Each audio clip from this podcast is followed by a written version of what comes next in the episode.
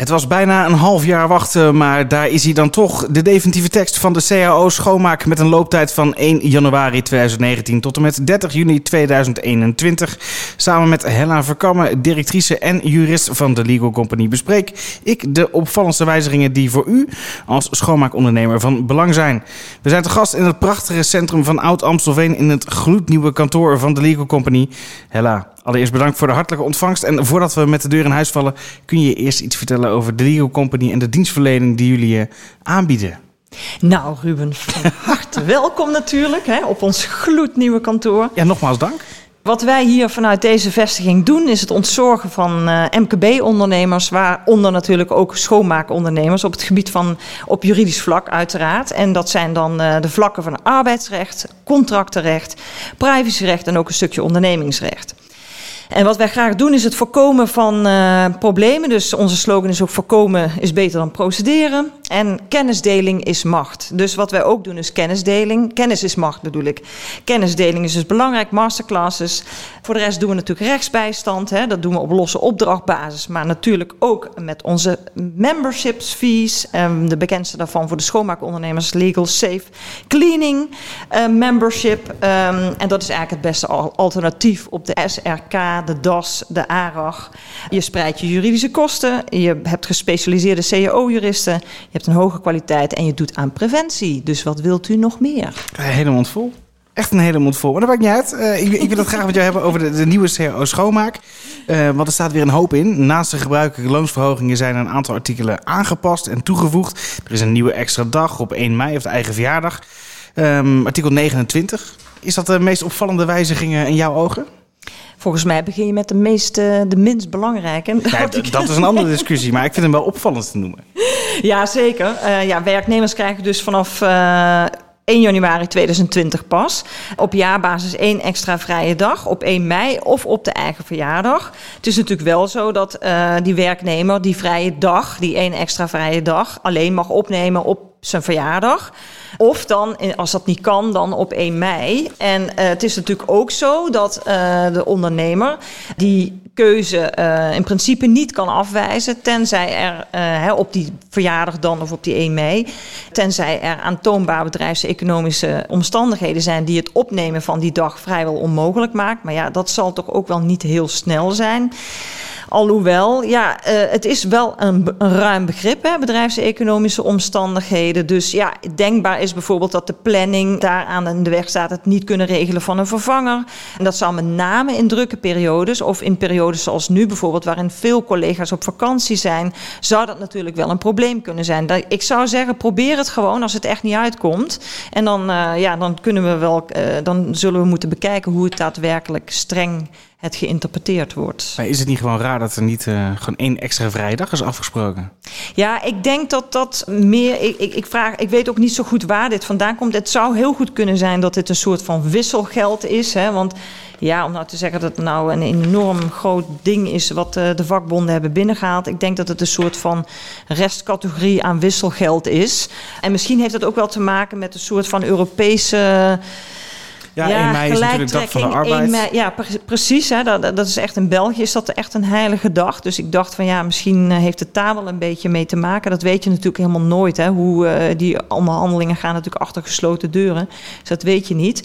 Wat kan ik erover zeggen? Het is uh, gewoon een extra vrije dag, maar dan wel verspreid op de verjaardagen van mensen. En ik denk dat dat wel prettig is voor de werkgever. Ja, dat dan weer wel. Artikel 9, aard en duur van de arbeidsovereenkomst, proeftijd en uitzendkrachten. Um, die is aangepast. En, en klopt het dan ook dat het interessanter wordt om uitzendkrachten aan te nemen, in te huren? Ja, dat kan je van twee kanten bekijken. Het, ik, ik vind het een vrij ingewikkeld gebeuren inmiddels geworden. In de vorige CEO was bepaald dat de werkgever maximaal een uitzendkracht voor 12 maanden mocht inlenen. Uh, en vervolgens mocht hij slechts eenmaal een bepaalde tijdcontract daarna geven voor een periode van maximaal zes maanden. En de andere optie was dan om direct een overeenkomst voor onbepaalde tijd daarna aan te bieden, hè, na de uitzendperiode. Nou, ja. Dit sloot echter niet aan bij die nieuwe ketenregeling hè, van 24, maximaal 24 maanden En drie contracten voor bepaalde tijd. Nou ja, dus daar heeft de CAO zich dan uiteindelijk op aangepast. Dus nu kan je iemand voor maximaal 12 maanden inlenen. En dan daarna nog eens een keer die uitzendkracht maximaal twee arbeidscontracten aanbieden voor bepaalde tijd. Dus die maximale duur van contracten, keten met eerst een uitzendperiode en dan gewone arbeidscontracten, mag dan niet meer dan 24 maanden zijn dus dat is wel wat interessanter. Wat minder interessant is, is dat die tussenperiode van maximaal 12 maanden iemand mogen inlenen weer langer is geworden. Dus eerst was die maar drie maanden mhm. en nu is die weer zes maanden geworden. Dus als iemand binnen de periode van zes maanden weer inleent via uitzend, dan telt zich dat gewoon op. Dus je komt sneller ook weer aan die 12 maanden. Dus dat is dan wel eigenlijk weer een achteruitgang. En ja, ik weet niet of mensen daar echt op gelet hebben. Maar dat is eigenlijk een achteruitgang. Daarnaast wil ik eigenlijk nog ook eventjes een notitie maken. Maar volgens mij, het gaat dan over uh, de WAB. Ja, de nieuwe uh, wet uh, arbeidsmarkt en balans. Ja, en wat is dan de invloed hè, ja. daarop? Ja, kijk, zometeen gaan we natuurlijk weer met die ketenregeling van 24 maanden naar 36 maanden. Dus dan loopt deze CAO eigenlijk weer achter. Wat hij eigenlijk daarvoor ook dus deed. Hè, want uh, daarvoor uh, kon je dus maar maximaal 18 maanden een, een uitzendkracht dus inhuren. Toen is dat dus aangepast nu naar 24 maanden. Maar vanaf 1 januari 2020 wordt die ketenregeling weer verlengd. Is dit dan slechts een 36 tussen... maanden. Ja, is dit dan slechts een tussenoplossing voor dit jaar? Of... Ja, ik weet het niet, want deze CAO duurt natuurlijk tot met 2021. Ja. Of nou niet tot met 2021. Halverwege. Halverwege. Maar ja, dan is die wet arbeid in balans ook alweer anderhalf jaar van kracht. Dus ik weet even niet. Um, ja, er staat wel een artikel in de CAO dat als er een, eh, een, een, een tussentijdse verandering is van de wetgeving, waar de CAO niet van mag afwijken, dan is die nieuwe wettelijke regeling van toepassing. Alleen dat, is, dat geldt hier dus niet.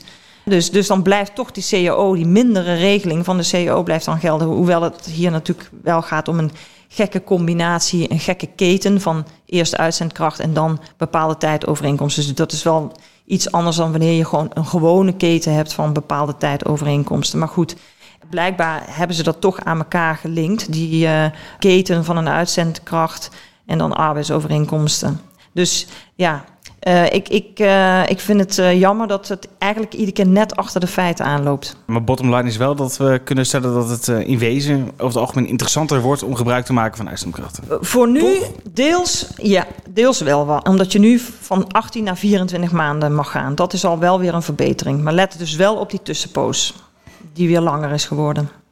Ook nieuw en verplicht administratief op te nemen de niveau-onderscheidende kenmerken per medewerker. Uh, het bedoelt om de functie van de werknemer juist in de loongroep in te delen. Wat betekent dit voor werkgevers?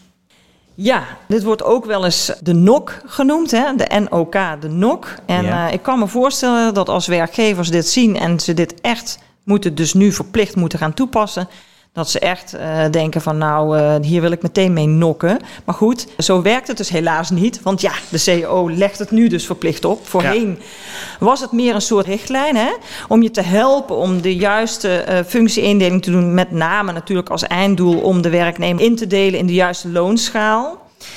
Nu is dat dus iets strenger. Hè? Je bent gewoon verplicht om die functieomschrijvingen en uh, de functieindelingen te gebruiken die dus in dat handboek staan.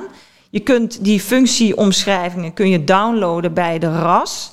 En daar zit ook dan dat functiehandboek bij. Dus er wordt wel gewoon heel veel hulp uh, bij uh, verleend. Alleen, maar ik moet wel zeggen, als we ja. de CAO kijken en we kijken naar het CAO-boekje de bijlagen, dan zijn de functies best duidelijk opgezond. Ja, maar als zeker. je de uitsplitsing per functie downloadt van de RAS-site, dan is dat toch vrij ingewikkeld, als ik dat uh, zo mag verwoorden. Ja, het, het, het, het, is, het vergt best een studie om dat te gaan toepassen. Dus ja, ik kan me voorstellen dat daarom inderdaad veel schoonmakersbedrijven, ondernemers gaan denken van laten we er even lekker vooral mee nokken. Maar ja, dat gaat dus niet.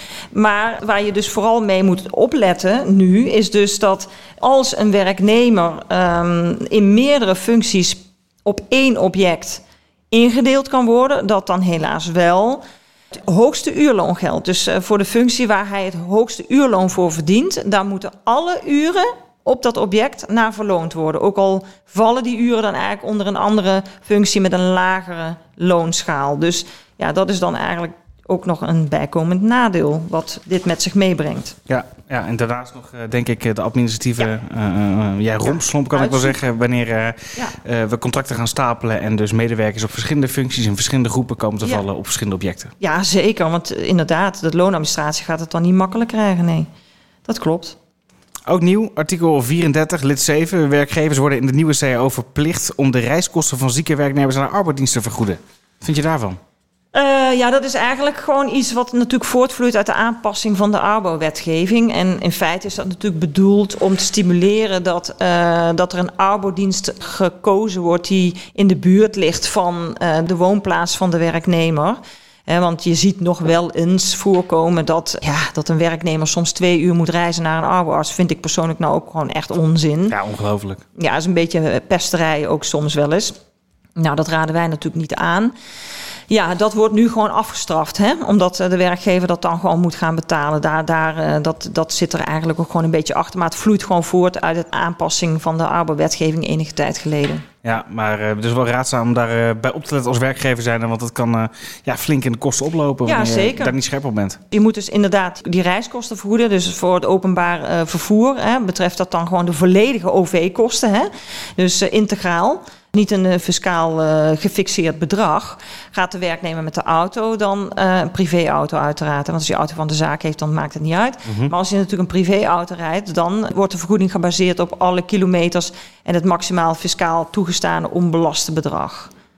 Nou ja, goed, bij een hoog ziekteverzuimpercentage en een flink kan dat wel best wel ja, belangrijke zaak om in de gaten te houden. Ja. Wil je de kosten niet te hoog laten oplopen. Ja. Uiteraard staat het artikel, uh, betwiste artikel, het hete hangijzer uit de schoonmaken, nog in de CAO. Artikel 38, vele malen over, veel over gezegd, over geschreven. Hella heeft er ook heel veel over geschreven. Uh, belangrijkste wijzigingen in deze CAO hebben vrij veel te maken met de kosten en vergoedingen te hoeven van de werknemer. Ja, dat klopt, ja. Kijk, je ziet eigenlijk dat dit artikel een soort van aftreksel is van de wetgeving overgang van onderneming. En dat houdt in dat als een uh, werknemer wordt overgenomen door een uh, nieuwe werkgever, uh, omdat het bedrijf wordt overgedragen aan de koper van het bedrijf, dat de werknemer dan met behoud van alle rechten en ook wel plichten natuurlijk mee overgaat. En nou, hier hebben ze in de schoonmaak bepaald dat dat dus ook geldt voor als jij wordt overgenomen eh, door de contractwisseling. Puur en alleen omdat uh, de opdrachtgever een nieuw schoonmaakbedrijf wil hebben. Dat is, een, ja, dat is dus eigenlijk een kleine vorm van een soort van overname. En dan zie je dus toch dat die, die wetgeving, of die, dat artikel 38 steeds meer daarop wil gaan lijken. Want ja, uh, kijk, uh, artikel 38 maakt nog steeds wel een onderscheid uh, met dat je niet 100% alle verplichtingen mee moet overnemen van die werknemer. En voorheen dus blijkbaar niet de reiskosten en ook bovenwettelijke CEO-vergoedingen en zo bijvoorbeeld. En daar komt nu dus wel verandering in. Hè? Dus, dus nu moet dat dus wel mee overgenomen worden, natuurlijk wel onder bepaalde voorwaarden. Is het volgens jou, nou even, even in te breken, een positieve ontwikkeling? Of zorgt het vooral weer voor meer uitzoekwerk ik wederom? Denk, ik denk dat het weer tot meer conflict gaat leiden. Want um, ja, de informatieverplichtingen worden natuurlijk nog groter. Ja. En het zal ook misschien wel uh, de overname van objecten gaan belemmeren. Waarom? Waar het vaak om gaat bij overnames, of waar het soms wel eens door ingegeven wordt, is door de opdrachtgever, omdat hij toch wil heraanbesteden, omdat hij het goedkoper wil hebben. Nou ja, goed, het belangrijkste kostenpost natuurlijk binnen de schoonmaak is het personeel. Ja. Je kan dus als werk, als overnemende kandidaat, kan je dus steeds minder doen aan die personele kostenkant, omdat je gewoon ja, de lusten en echt ook echt de lasten allemaal bijna nagenoeg allemaal moet overnemen. Dus, en ook dan die posten waar je zelf dan niet per se voor zou hebben gekozen. En waar je misschien nog wel wat marge mee kan halen. Want vaak is het wel zo dat de opdrachtgever dan Oftewel, de opdrachtvoorwaarden veranderen doordat hij de vierkante meters verkleint of hij wil de prijs omlaag hebben. Uh, ja, en dan wordt de, staat de marge nog verder onder druk. En als je dus aan de voorkant niet goed oplet, wat neem ik straks dan mee over? En wat zijn dan alle kosten die allemaal vastkleven aan al die werknemers, zoals de reiskosten inderdaad? Dan kan je wel heel bedrogen uitkomen als je dan ja hebt gezegd en dan je te laat eigenlijk pas weet wat nou eigenlijk je kostenpost is. Ja, ja, en op zich zijn reiskosten dan, dat zijn dan kosten waarvan we met z'n allen kunnen zeggen van nou, Daar kunnen we het met z'n allen over eens zijn. Dat kunnen we afspreken in de branche. Ja. Maar vooral de, de objectgebonden kosten, dat zijn toch kosten waarvan ik eh, wel eens vraagtekens bij heb. Ja, wat daar precies nou onder verstaan wordt, inderdaad. Hè? Ehm, Ja, want we moeten dan denken aan kosten voor bijvoorbeeld wasserij, koffie, Ja. ehm, Ja. kleding, eh, al dat soort zaken. Ja, Ja. ik vind dat toch eh, eh, dat dat een keuze is van, van een schoonmaakbedrijf en, en dat het niet zo opgelegd kan worden. Ja, nee, maar dat is het dus. eh, ja, en daar word je dus inderdaad nu wel als winnend schoonmaakbedrijf mee opgezadeld. Maar goed, het belangrijkste is inderdaad dat je dat van tevoren weet. Hè? Dus, dus er is natuurlijk gelukkig wel, die informatieplichten zijn natuurlijk ook wel uitgebreid. Hè? Dus dat verliezende schoonmaakbedrijf moet echt direct informeren over die bestaande reiskosten. En dat betekent natuurlijk ook de objectgebonden kosten. Eh, zodat die verwervende werkgever rekening kan houden in zijn aanbieding met die kosten. Die objectgebonden kosten, die worden dus niet gezien als onderdeel van de arbeidsovereenkomst. Hè? Dus Nee, klopt. eh, dat, is- dat is wel weer belangrijk. Wat ook belangrijk is, is natuurlijk ook dat de verliezende werkgever die kosten aantoonbaar tenminste zes maanden onmiddellijk voorafgaand aan de contractswisseling moet hebben vergoed. Hè? Want ja, het zou ook nog als trucje gebruikt kunnen worden om te zorgen dat het gewoon dat object maar niet wisselt, omdat niemand het meer wil hebben, omdat het allemaal zo duur is geworden. Hè? Ja. Als de verliezende werkgever daar niet in slaagt hè, eh, om dat te bewijzen, dan geldt ook de afkoopregeling en dan komt het voor zijn eigen kiezen. Dan moet hij het zelf gaan afkopen bij die werknemers. Zo zit het eigenlijk nu dan een beetje in elkaar. Wat vind je daarvan? Nou ja, ik vind het allemaal weer nog onnodig gecompliceerd eh, worden. Hè? De, de, de hele contractsoverdracht en de procedures rondom contractwisseling worden weer nog ingewikkelder en zullen nog weer meer aanleiding geven tot conflict. Ja, ik bedoel, eh, voor ons zou dat misschien wel positief kunnen zijn omdat wij meer vragen krijgen. Maar ja, zo zitten wij niet in de wedstrijd. Nee, en het Eh, zorgt er in ieder geval voor de schoonmaakondernemers wel weer voor dat er steeds meer, nog meer gedocumenteerd Ja. moet worden en Ja. nog meer eh, administratieve last en druk is. Zeker, want je moet het aantonen inderdaad. Hè? Dat die zes maanden en die twaalf maanden inderdaad... twaalf maanden reiskostenvergoeding, hè? Of anderhalf jaar, sorry, anderhalf jaar eh, onmiddellijk voorafgaand Ja. aan de datumcontractwisseling. Klopt. Ja, dan toch naar mijn eh, twee favoriete artikelen in eh, de nieuwe CAO. De artikelen omtrent de volwassen arbeidsrelatie, artikel 40, artikel 41. eh, waarvan ik altijd zeg, ja, de schoonmaakbranche doet hele mooie dingen... maar komt zichzelf toch ook heel vaak negatief tegen in de media. Dan ik denk, ja, als we hierover artikelen gaan opnemen in de CAO... Ja. het zou toch, vind ik, de normaalste zaak van de wereld moeten zijn. Ja, dat vind ik ook. We hebben natuurlijk ook die code verantwoord marktgedrag. Hè? Dat, eh, dat heeft daar natuurlijk ook mee te maken. Maar ik vind het eigenlijk best wel goed hoor, dat het nu ook echt letterlijk in de CEO wordt opgenomen. Want ja, die normen en waarden. Ja, kijk, uiteindelijk, je moet het ook zien als je dus ook die, die, die, die, eh, die preambule. of hoe zeg je dat, de inleiding leest van eh, de CEO. Ik zit hem eventjes te zoeken hier. Dan is het ook een soort van uitleg van waarom willen wij nou dat soort afspraken in, in de CAO? En kijk, het is gewoon belangrijk dat er een gezonde arbeidsrelatie ontstaat. En wat je gewoon ziet, vooral bij de kleinere schoonmaakbedrijven, dat het alles staat zo onder druk dat het de ondernemer persoonlijk ook in zijn portemonnee raakt. Hè? Dus dat het, de, de emoties kunnen daar wel vaker wat hoger oplopen dan bij de hele grote eh, schoonmaakbedrijven, waar de manager niet, zijn portemonnee wordt daar niet geraakt. Natuurlijk. Dus eh, dan, dan, dan kan daar al sneller een volwassen arbeidsrelatie ontstaan dan, dan bij, ja, bij de MKB-bedrijven. Maar goed, de MKB-bedrijven hebben ook minder tijd natuurlijk hè, om al die gesprekken toe te passen en, en, en alle verplichtingen die horen dan bij zo'n volwassen arbeidsrelatie, om dat ook allemaal eh, toe te passen. Dus ja, het is ook best wel zwaar natuurlijk. Ja, want er staat in eh, bijvoorbeeld artikel 40, eh, vier maal per jaar werkoverleg. Ja. En een jaarlijks gesprek waar de werkdruk aan bod komt. Alle georganiseerd onder werktijd. Ja. Dus eh, Ja. één, het kost geld. Ja. Twee, eh, vrij veel administratie wederom. Ehm, hoe zou eh, jij ondernemers adviseren dit, eh, dit, dit aan te vliegen? Combineren tijdens een eh, functioneringsbeoordelingsgesprek? Of het eh, toch separaat houden? Nou, kijk, werkoverleg denk ik dat dat best wel regelmatig plaatsvindt. Alleen eh, ze bestempelen het vaak niet zo. Wat denk ik wel heel goed is, is dat ze dat nu dus wel gaan doen. Dat ze het officieel wel als werkoverleg gaan bestempelen. En op een of andere manier ja, desnoods opnemen of desnoods uh, een soort van app daarvoor aanschaffen waarin ze gewoon heel snel, hè, want doe dat gewoon ook op de locatie van het object zelf. De regiomanager uh, of de objectleider die kan dat dan op zich nemen. En volgens mij hebben ze, hebben ze gewoon altijd werkoverleg, dat is normaal. Maar je moet er denk ik gewoon zorgen dat je er minimaal vier per jaar dan bestempelt als een officieel werkoverleg en leg dat dan op een of andere manier, op een gemakkelijke manier vast.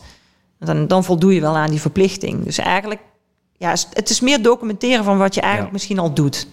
Dus daar ligt weer een, een taak voor uh, de softwareleveranciers eigenlijk. Ja, dat, dat vooral, ja. Waarom niet? Waarbij ze gewoon standaard die onderwerpen opnemen die opgezomd staan. Dat is best een goed idee, inderdaad.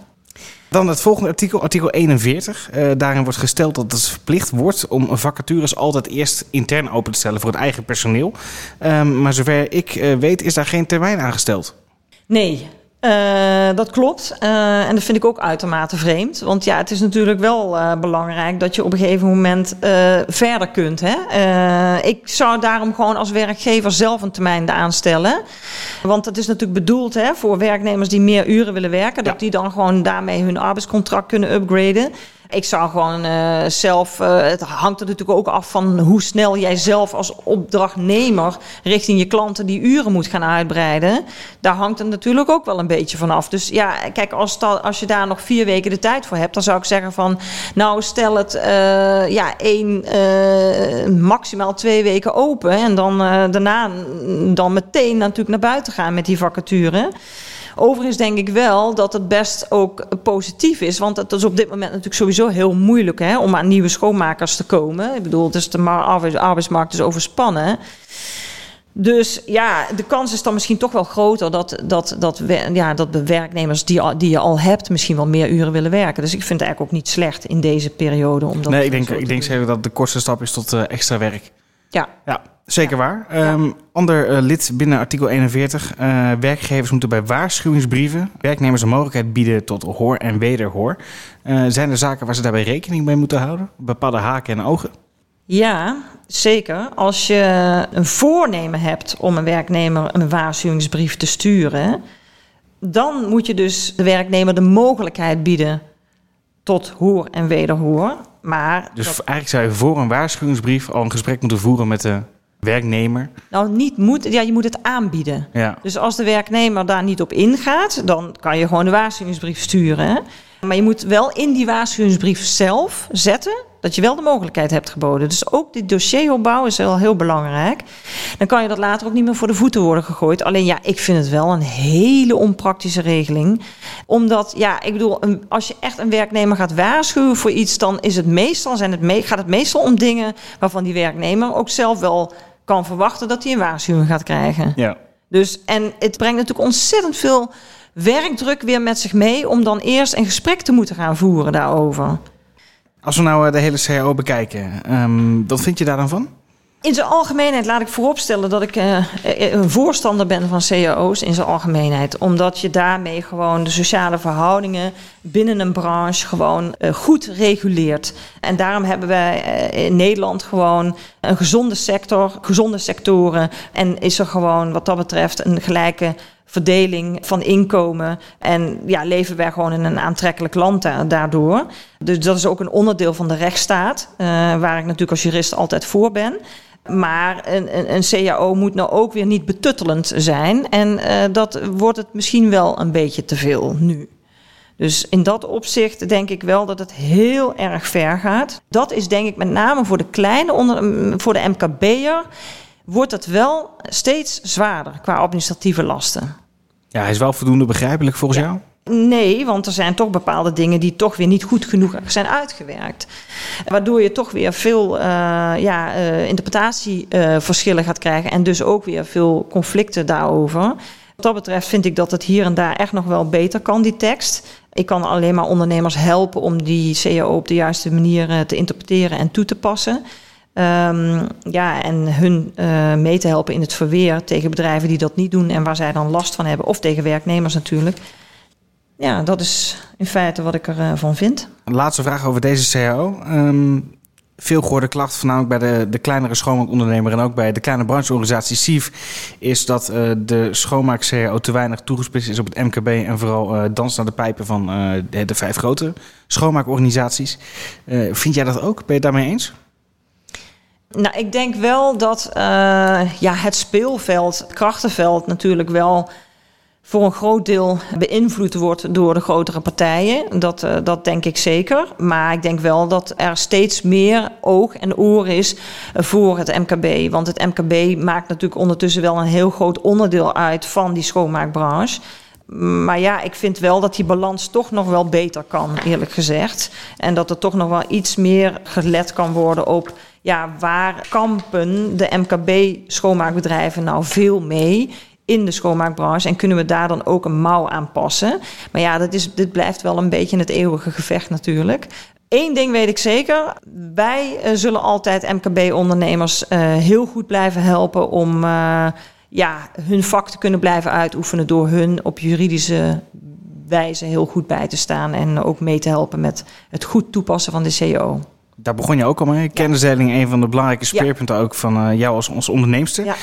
Um, dus ik wil ook de luisteraar even wijzen op de gratis kennissessie die jullie organiseren over deze nieuwe CAO schoonmaak en ook de nieuwe WAP, de Wet Arbeidsmarkt in Balans. Ja. 5 september 2019. Ja. Vanaf 8 uur ochtends al in Amstelveen. Ja. Wat kunnen we verwachten?